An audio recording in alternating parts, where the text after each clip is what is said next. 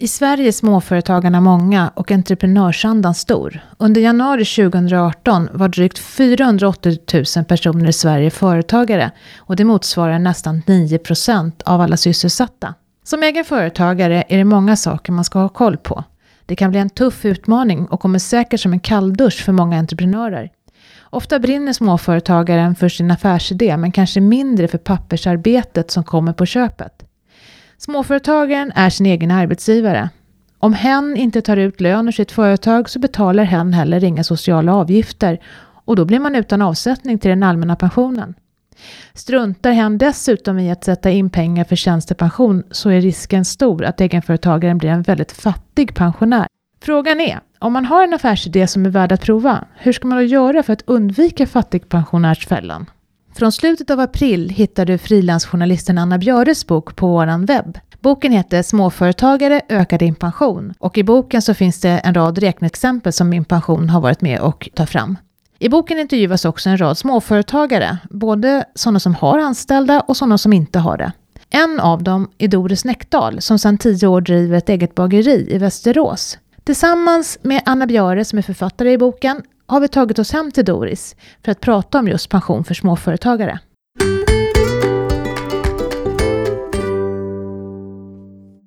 Tack Doris och Anna för att ni vill vara med i vår podd.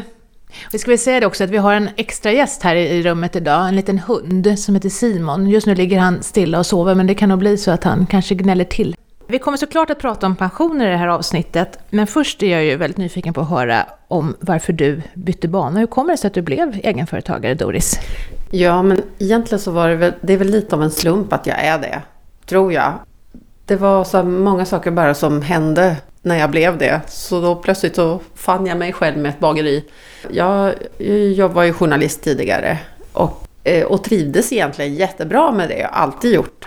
Sen bestämde jag mig för att ha friår och då börjar man tänka på en massa olika saker. Och då har jag alltid varit en sån person som har drömt om att göra annat ändå. Trots att jag trivdes då som journalist. Ja, det här var ju precis i det här surdegs, sur, när surdegsboomen började. Jag tänkte jag måste göra någonting av någon av alla mina idéer och plötsligt så start, hade jag startat ett bageri. Så hade jag väldigt tur. Jag fick vara tjänstledig från mitt jobb så jag behövde liksom inte hoppa ut i tomma intet. Så jag var tjänstledig från mitt jobb och tänkte jag ska se om det här går. Tänkte jag de första åren. Och så gick det bra. Allting det funkade så här. Jag kunde inte baka så bra i början men jag har ju lärt mig under åren. Så, så nu har jag haft bageri i tio år. Tänkte du någonsin när du drog igång där på pension? Du tog ditt friår? Nej, det gjorde jag inte. Nej. Inte en tanke. Så jag, det har jag också haft tur faktiskt eftersom jag hade ju, från början hade jag en man som hjälpte mig med bokföring och så. Han visste ju sådana saker. Om inte det hade varit för honom vet jag inte hur det hade gått. Nej. För han, när, när det började rulla in pengar sa han, men nu måste du ju pensionsspara också. Så då gjorde jag det. Jag har gjort väldigt mycket som han har sagt. Anna, hur började det för dig då? Jag eh, halkade in på att vara egenföretagare lite. Äh, jag ska inte säga att jag halkade in på egenföretagandet på ett bananskal, men att bli journalist halkade in på ett bananskal. För jag är civilekonom egentligen. Så det var väl meningen att jag skulle jobba med ekonomi, men sen så var jag i Kanada och åkte skidor när det var OS för länge sedan där. Och då skrev jag en liten betraktelse kan man säga och skickade hem till min pappa där han bodde. Då tog tidningen in det. Och på den vägen är det.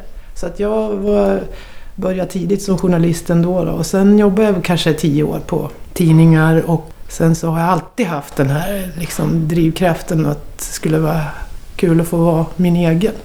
Och få bestämma själv. Och ha frihet fast det är ju mycket ansvar också. Så nu har jag kört eget företag i, inte riktigt 20 år, men kanske ja, mellan 15 och 20 år. Ja. Men som civilekonom så måste du ändå haft koll på pensioner då, tänker jag. Du visste vad du gjorde när du började och tänkte på pensioner. Ja, jag ska, jag ska säga att när jag körde eget företag, det är min hund här nu. Eh, började som egenföretagare på heltid så var pensionen inte det första jag tänkte på. Det var det inte, det var ungefär som du Doris, det tänkte jag inte på direkt. Men ganska snart ändå, för jag skrev ju mycket och skriver fortfarande mycket om ekonomi. Så att det var nog mycket där. Och sen tror jag faktiskt också att det är så som företagare att man, man kan få ganska bra tips från andra. Det kan vara den som sköter redovisningen eller i ditt fall var det din man då som hjälpte dig med bokföringen. Eller en, någon då. Nej, det var han som skötte redovisningen. Ja, ja. redovisningen. Ja, ja precis. Um, så att man blir nog medveten. Mm. Det tror jag. Mm. Ganska snabbt. Mm. Så det blev jag också. Mm. Kom du på att göra en bok om småföretagare och pensioner då? Som sagt, man är medveten om kanske då att man behöver lägga undan till sin pension. Men man har inte riktigt energin eller tiden att ta tag i det.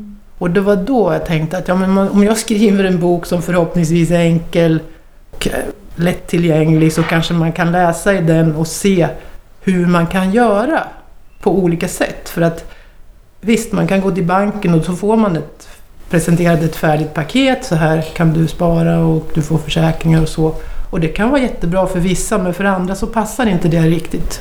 Men i boken, i våran bok, så kan man se olika sätt som man kan pensionsspara och det behöver inte vara så himla krångligt heller. Så tänkte jag. Ja, när du var ute och gjorde den här boken, då mötte du ju många människor. Du intervjuade massor och de hade massor med olika yrken. Är det något möte som sticker ut mer än det andra? Doris förstår jag sticker ut. Något annat så här som du kan berätta? Någon ja. liten anekdot? Nej, men det, som, eh, det var ju jätteroligt att prata och träffa alla företagare därför att jag tycker att det var så häftigt att vi har så mycket gemensamt. Det spelar liksom ingen roll vad vi är i för bransch. Så. Man kan prata väldigt bra, man förstår varandra. Så det, men kanske det, och alla var trevliga att träffa och sådär. Men den som jag kommer ihåg mest är nog Fiskar-Anna som är på omslaget. En ganska ung tjej då som har ett tufft yrke som är ganska ovanligt. Yrkesfiskare. Eh, farligt är det. Eh, mansdominerat annars. Och hon fixar det där jättebra. Och sen har hon hög försörjningsbörda hemma också. Men hon, det var väldigt inspirerande att träffa henne. Ja, Doris, du har ju medarbetare. Hur kändes det första gången att gå ifrån att vara en egenföretagare till att faktiskt bli en arbetsgivare? Ja, det var ju dödsläskigt. Det tog, det tog faktiskt väldigt...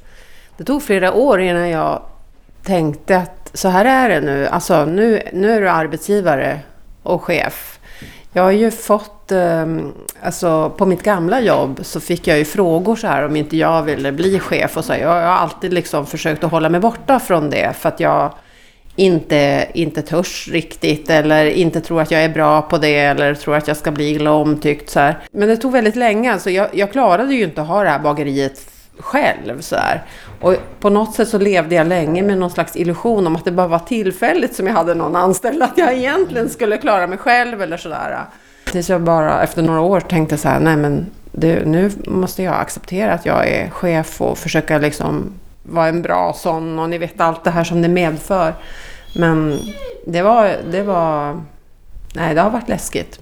Men nu jag känner jag mig bekväm med det och tycker att det är ganska kul så här, och och, och så ser jag att folk trivs hos mig, så då förstår jag att jag är ju inte hur usel som helst. Lite egoboost där, det är bra.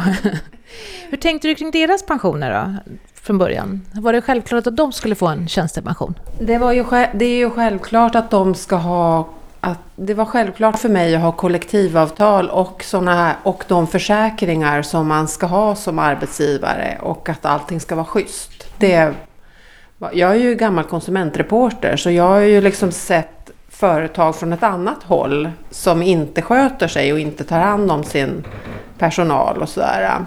Och dessutom intressant, alltså på något sätt intressant att se om det här systemet som man ju har läst om. Innan jag blev egenföretagare så har jag ju sett det här, eller läst om att alltså egenföretagare klagar mycket på hur, hur systemet är. Mm.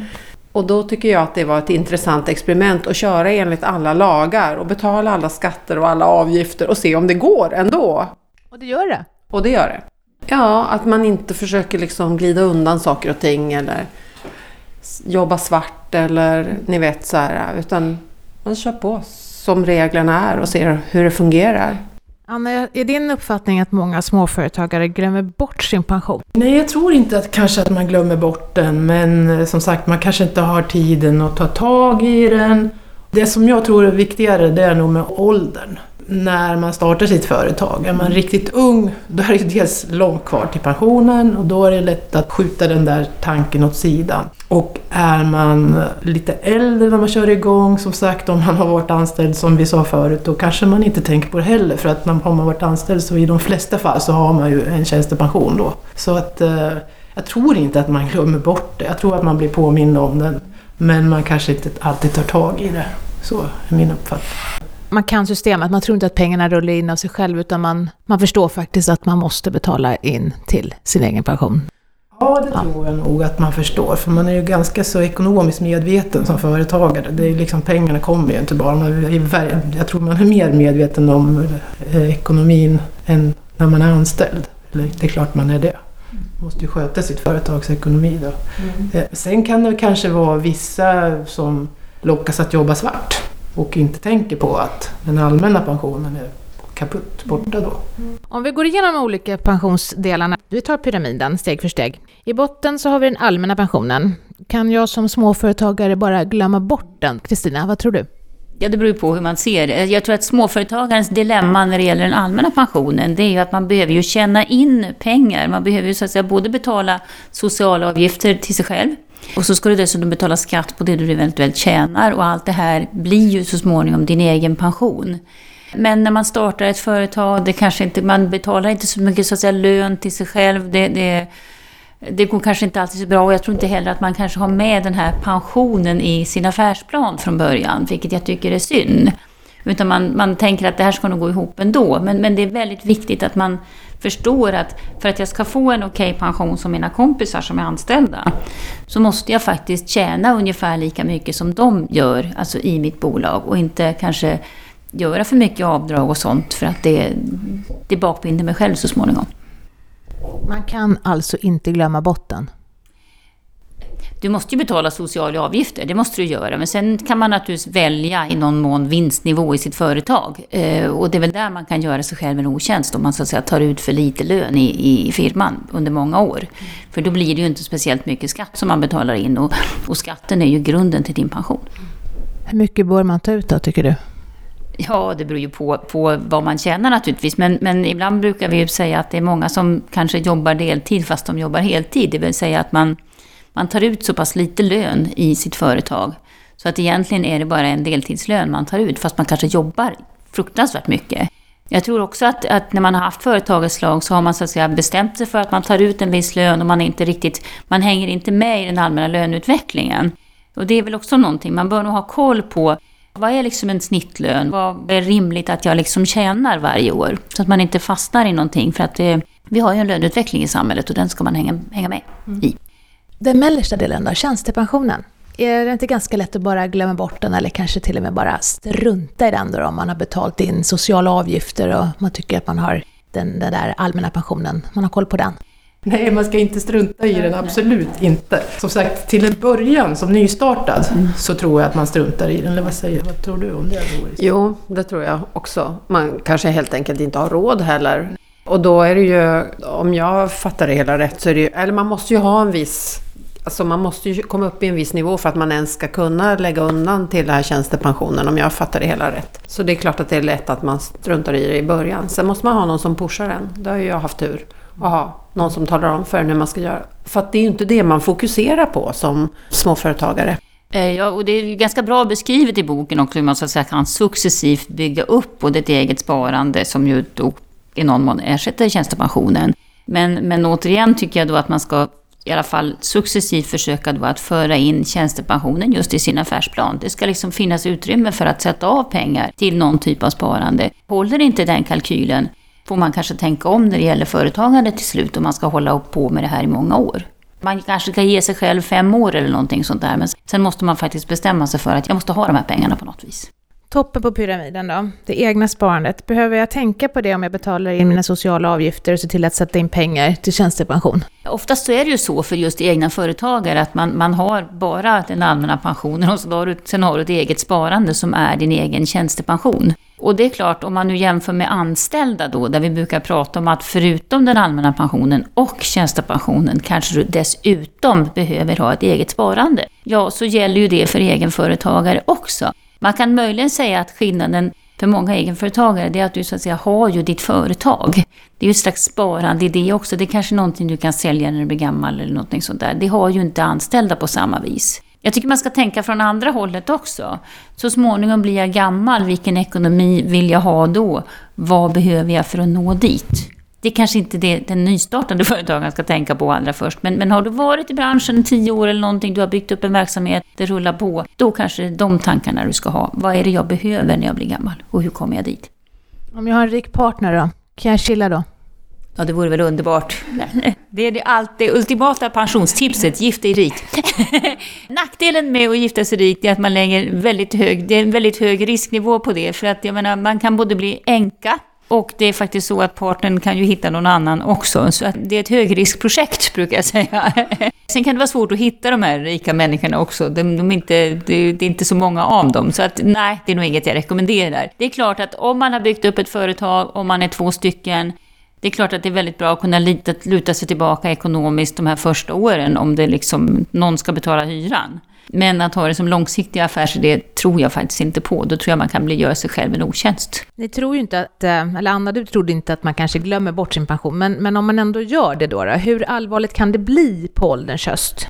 Ja, låt säga då, med, med, med, vad vi menar med glömmer bort, det är då att du dels inte sätter av någonting till din egen tjänstepension, inget eget sparande. Att du kanske jobbar för lite, det vill säga att du tar ut konsekvent väldigt lite lön i ditt företag. Då kommer det att innebära att du inte tjänar in speciellt mycket till din allmänna pension ja, då blir det inte så mycket pengar. Sen finns det naturligtvis trygghetssystem som tar över. Alltså när du kommer upp i en viss ålder, 65 eller 66 år, så får du naturligtvis så småningom pengar av staten. Men, men det är ju inga stora summor vi pratar om. Nu är det väldigt så att, att många egenföretagare brukar upptäcka det när de blir gamla, att det var inte så mycket pension. Och då, det som återstår då är ju att jobba vidare i företaget i så fall. Men det kanske man inte orkar. Min uppfattning är ju att många kanske faktiskt gör det. Det är många egenföretagare som jobbar till de blir äldre. Man kan säga att fördelen med att vara egenföretagare jämfört med att vara anställd är ju att som anställd då blir det ju, alltså det finns ju lagen om anställningsskydd som så småningom säger att du, nu vill vi inte ha dig längre för du är för gammal. De nuvarande reglerna säger att du kan jobba till 67. Nu är det ju på tal om att man ska höja det till 68 eller 69. Som egenföretagare, då kan du jobba upp i 80-årsåldern om du vill det. Så det är ju så att säga på plussidan i så fall. Det är ingen som slänger ut dig. Nej. Jag tror också att egenföretagare drivs av mycket Ja, jag kanske pratar i egen sak, men att man känner mycket glädje och så med sitt jobb. Och eh, att det kan vara det också som gör att man faktiskt fortsätter att jobba ganska länge upp i åldrarna. Kommer du göra det Doris? Jag vet faktiskt inte, men det är ju helt klart så att jag har börjat tänka mer på pension ju äldre jag har blivit, om man säger. När jag startade för tio år sedan, i 45-årsåldern då, så var det ju inte, då tänkte jag inte alls på det. Men nu tänker jag på det. Hur ska det här gå? Jag har ju haft olika perioder i mitt, under mina tio år då, med olika inkomst. Två år sedan byggde vi om och då tog inte jag ut någon lön alls under en period därför att det var jättetufft i bageriet. Och efter den perioden så har jag börjat tänka mycket mer på hur ska det här bli? Jag har inte någon färdig plan sådär, men jag tänker att mitt företag ska vara säljbart på ett sätt nu som jag inte tänkte från början. För jag kanske inte orkar hålla på med det här jämt. Ja, det, det är mycket mer tankar nu om hur ska det gå, hur ska jag få pengar sen, alltså vilka pengar får jag sen. Om man nu ändå skulle vilja spara själv till sin tjänstepension, vi brukar prata om Kristina att man ska sätta av, hur mycket är det? Ja, alltså normal, om man är anställd och, då och har en tjänstepension, då brukar arbetsgivaren sätta av 4,5% av din lön. Och då kan man ju räkna själv då, 25 000 ungefär, så är det väl lite drygt en tusenlapp i månaden. Det är kanske liksom ett bra rättesnöre då. Och kanske lite mer om man då dessutom vill ha ett, ett eget privatsparande, eh, så att säga på toppen av det. Men där någonstans går ribban. Så att man, man måste ändå förstå att det är ändå regelbundet sparande varje månad som man ska sätta av någonstans och som man nog är glad för den dag man blir gammal. Och sen måste man naturligtvis fundera på hur man förvaltar de här pengarna också. Det här med varje månad tänker jag också på att det, det kanske inte alltid är att man sätter av varje månad. Det är klart att det är bra om man kan ha en automatisk sparandeform men som företagare så det kan gå upp och ner. Och ibland så blir det helt enkelt att när det är dags för bokslut så ser man att ja, ja, men nu blev det pengar över. Pytsar man in till pensionssparandet. Så, så kan man också göra. Så man behöver inte haka upp sig på att Åh, nu ska jag låsa in mig och betala 2000 kronor varje månad. I boken finns ju ett avsnitt med fällor också. Vilka är de, Anna, och vad gör man åt dem? pratat om några och det är ju det här att man inte tar ut tillräckligt mycket lön. Och gör man inte det så får man ju inte allmän pension. Eller att man jobbar svart så får man ju ingen allmän pension alls. Jag tycker också en fälla som jag tror är väldigt lätt att glömma bort, det är just det här som jag sa lite tidigare också, att det allmänna löneläget. Man tänker att ja, men nu tar jag ut 25 000 och liksom, det verkar ju bra och det funkar och liksom sådär.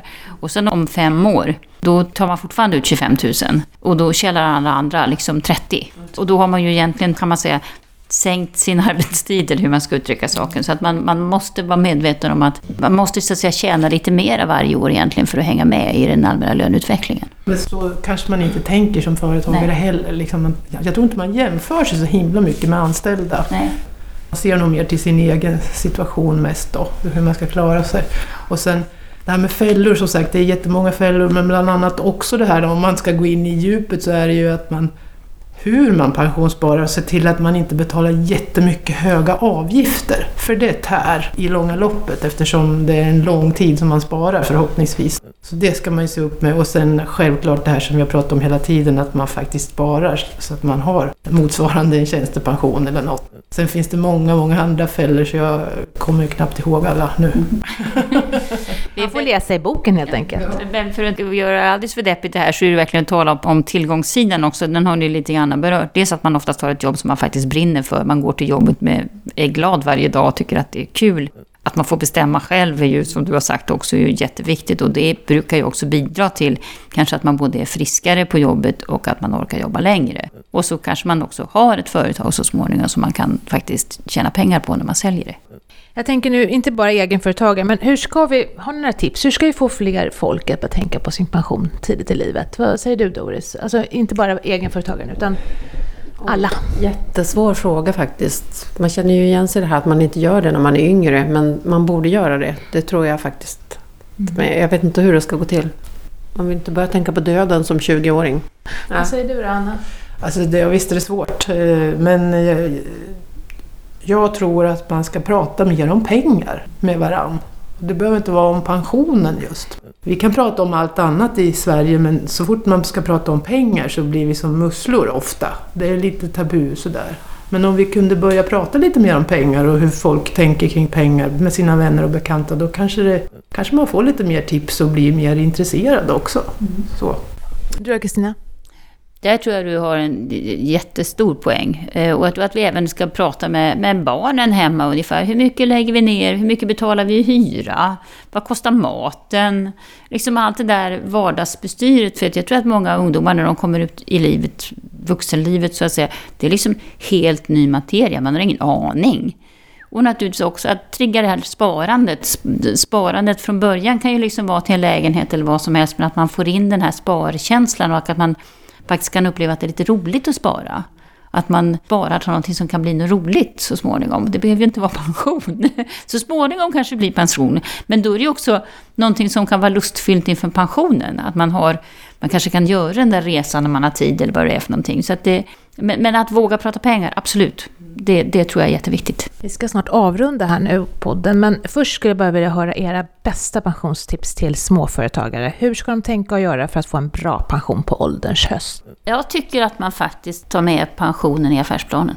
Den ska finnas där från början. Sen kanske man inte kommer att ha en... Alltså det ska vara ett långsiktigt mål att jag ska kunna sätta av pengar till min pension eller något. Men man ska inte glömma bort den.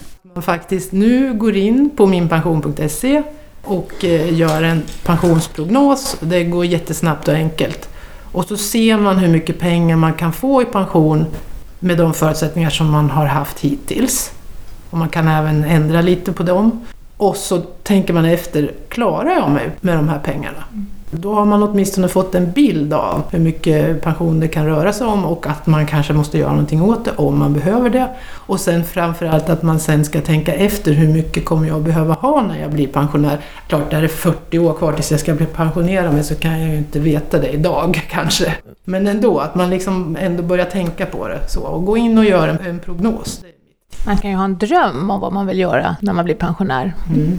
Doris, har du Ja, jag tänker att man någon gång måste stanna upp. Alltså. Man kan, som småföretagare så tror jag att man rusar på och så tänker man på alla andra saker än pensionen. Man, man tänker på hur man ska utveckla sitt företag och vad man ska hitta på för nya roliga saker. Man tänker väldigt mycket på företaget. Men någon gång så måste man stanna upp. Alltså, det är väl naturligt att man tänker så i början, men sen efter ett tag måste man tänka på sig själv och se hur går det här egentligen? Kan jag ta ut lön? Och liksom, hur ska det gå här framöver? Liksom stanna och tänk på dig själv någon gång.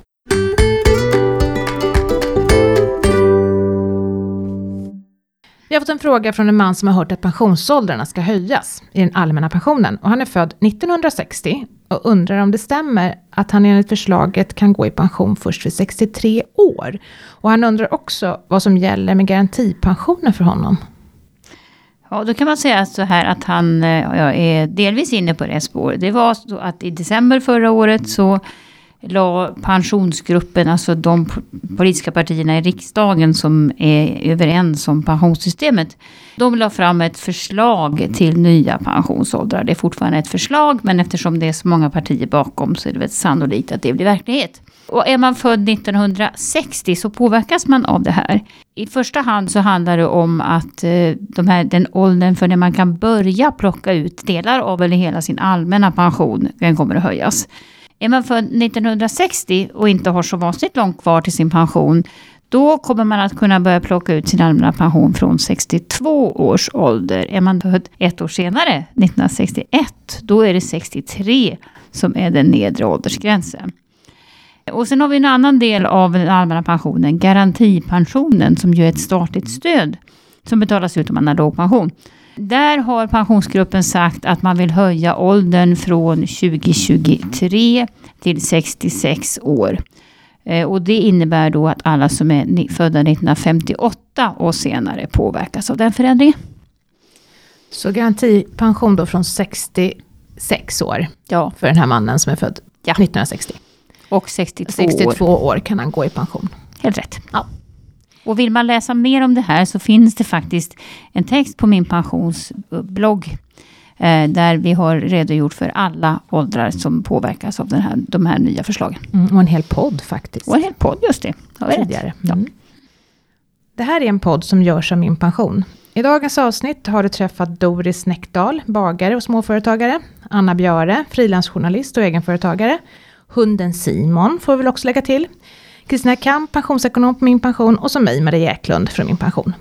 Om du gillar vår podd så blir vi jätteglada om du sprider den i dina kanaler, speciellt till de som är småföretagare. Ju fler som lär sig om hur pensionen fungerar under arbetslivet, desto bättre är det. Men vi blir också glada om du ger oss ett omdöme i iTunes. Följ oss på Instagram, Facebook, Twitter, LinkedIn eller på blogg minpension.se. Hoppas vi hörs snart igen. Tack för oss, hej hej! Hej då!